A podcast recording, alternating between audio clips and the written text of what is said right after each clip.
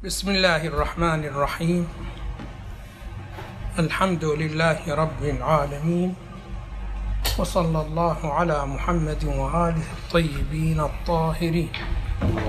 اللهم صل على محمد وآل محمد. ابتداء يعز علينا أن يأتي مثل هذا اليوم وهو التاسع من ذي الحجة. يوم عرفة ونحن هنا وبعيدون عن أرض الدعاء في مكة المكرمة. ولكن لا اعتراض على حكم الله سبحانه وتعالى وعلى مشيئته. هناك بعض الأمور يجب على الإنسان المؤمن أن يلتفت إليها في هذا اليوم. هذا اليوم تعرفون بالسنة يمر مرة واحدة. والإنسان لا يعلم هل يعاد له. هذه الفرصة تعاد له مرة ثانية أم لا تعاد له. فعليه أن يستغل هكذا شنو ماذا يوم وإن كان بنحو الأقل من الاستفادة. ولا يهمل مطلق الاستفادة في هذا اليوم. فابتداء عندنا مجموعة من النقاط. النقطة الأولى التي يجب أن يلتفت إليها الإنسان المؤمن أن هذا اليوم يوم دعاء. وهناك امتيازات لقبول الدعاء في هذا اليوم. وهذه الامتيازات ما موجودة في سائر الأيام. فلذلك عن الإمام الصادق سلام الله عليه يقول في هذا اليوم أجيز للإنسان المؤمن أن يعجل صلاة العصر قبل وقتها فيجمعها شنو ماذا إلى الظهر. ثم يقول الإمام وذلك ليتفرغ المؤمن للدعاء. فإنه يوم دعاء ومسألة. واضح شلون؟ فإذا على الإنسان أن يحرص في هذا اليوم على أن يكون واحدة من مفرداته هي مسألة شنو ماذا الدعاء. سواء كان دعاء طويل أو شنو ماذا أو قصير. المهم شنو ماذا لا يفوت على نفسه فرصة هذا اليوم من شنو ماذا الدعاء من الله سبحانه وتعالى. الأمر الثاني على الإنسان المؤمن في مثل هذا اليوم أن يحاول أن يتخلص من الأمور التي تصرفه عن الدعاء. قال الإمام الصادق صلى الله وسلام الله عليه أكثر التعوذ من الشيطان فإن الشيطان لن يذهلك في موطن قط أحب إليه من أن يذهلك في ذلك الموطن. يوم عرفة وخصوصا إذا كنت في منطقة عرفة الجغرافية فإن الشيطان يحرص على ماذا؟ على أنه يشغلك عن الدعاء عن الله سبحانه وتعالى وعن التوجه إلى الله سبحانه وتعالى. إيه. فيقولون شنو ماذا؟ أكثر التعوذ. يعني واحدة من مفردات هذا اليوم اكثار التعوذ. أعوذ بالله من الشيطان الرجيم. واضح شلون؟ فإن الشيطان لن يذهلك في موضع في موطن قط أحب إليه من أن يذهلك في ذلك الموطن. هذا أيضا شنو ماذا إلى الإمام الصادق. سلام الله عليه. وأيضا يقول إياك أن تشتغل بالنظر إلى الناس وأقبل على شنو ماذا على نفسك فإنه المقيم في عرفة مثل هذا اليوم. بلا إشكال يشاهد الكثرة الكثيرة جدا شنو ماذا من الناس.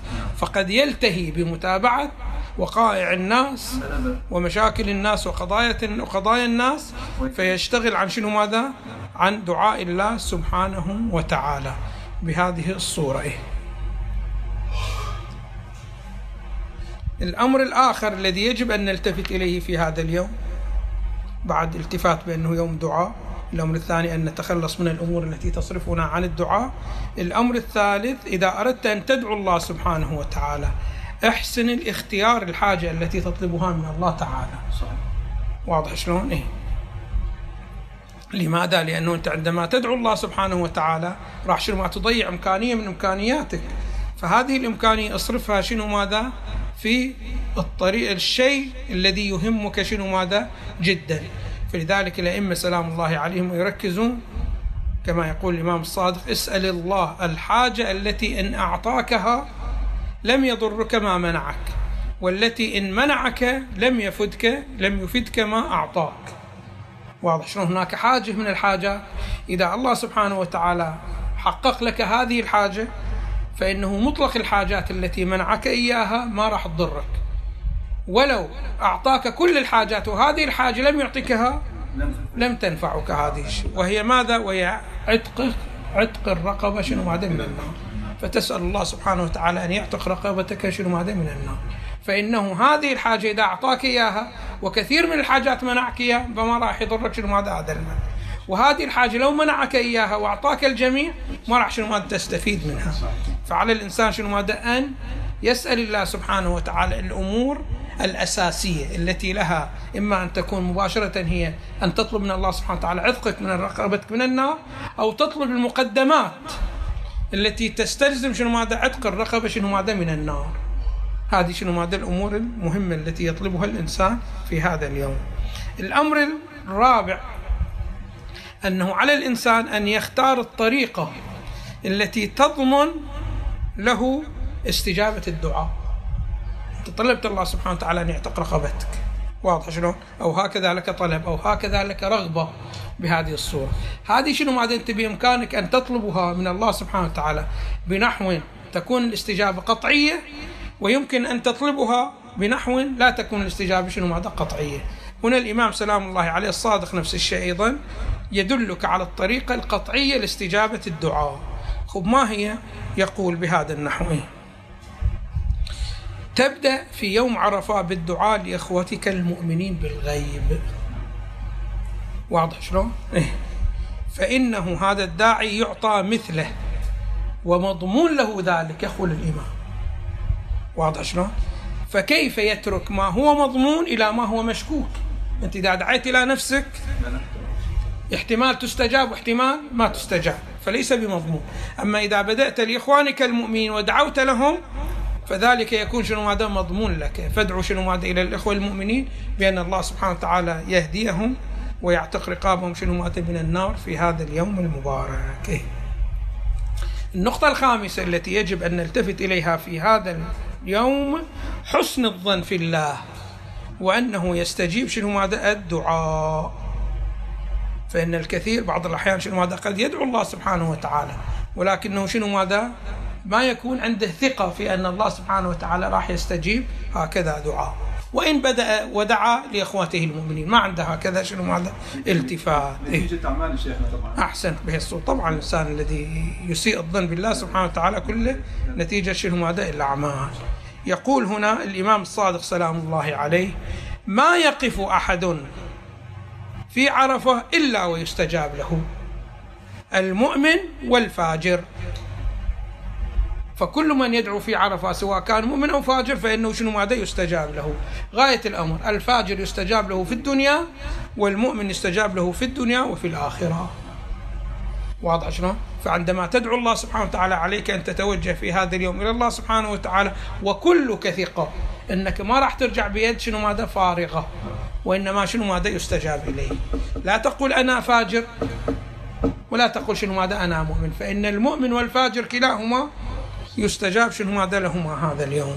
فعليك شنو ماذا؟ أن تدعو وأنت واثق القلب بأن الله سبحانه وتعالى سيستجيب لك هكذا دعاء. فحسن الظن في الله سبحانه وتعالى.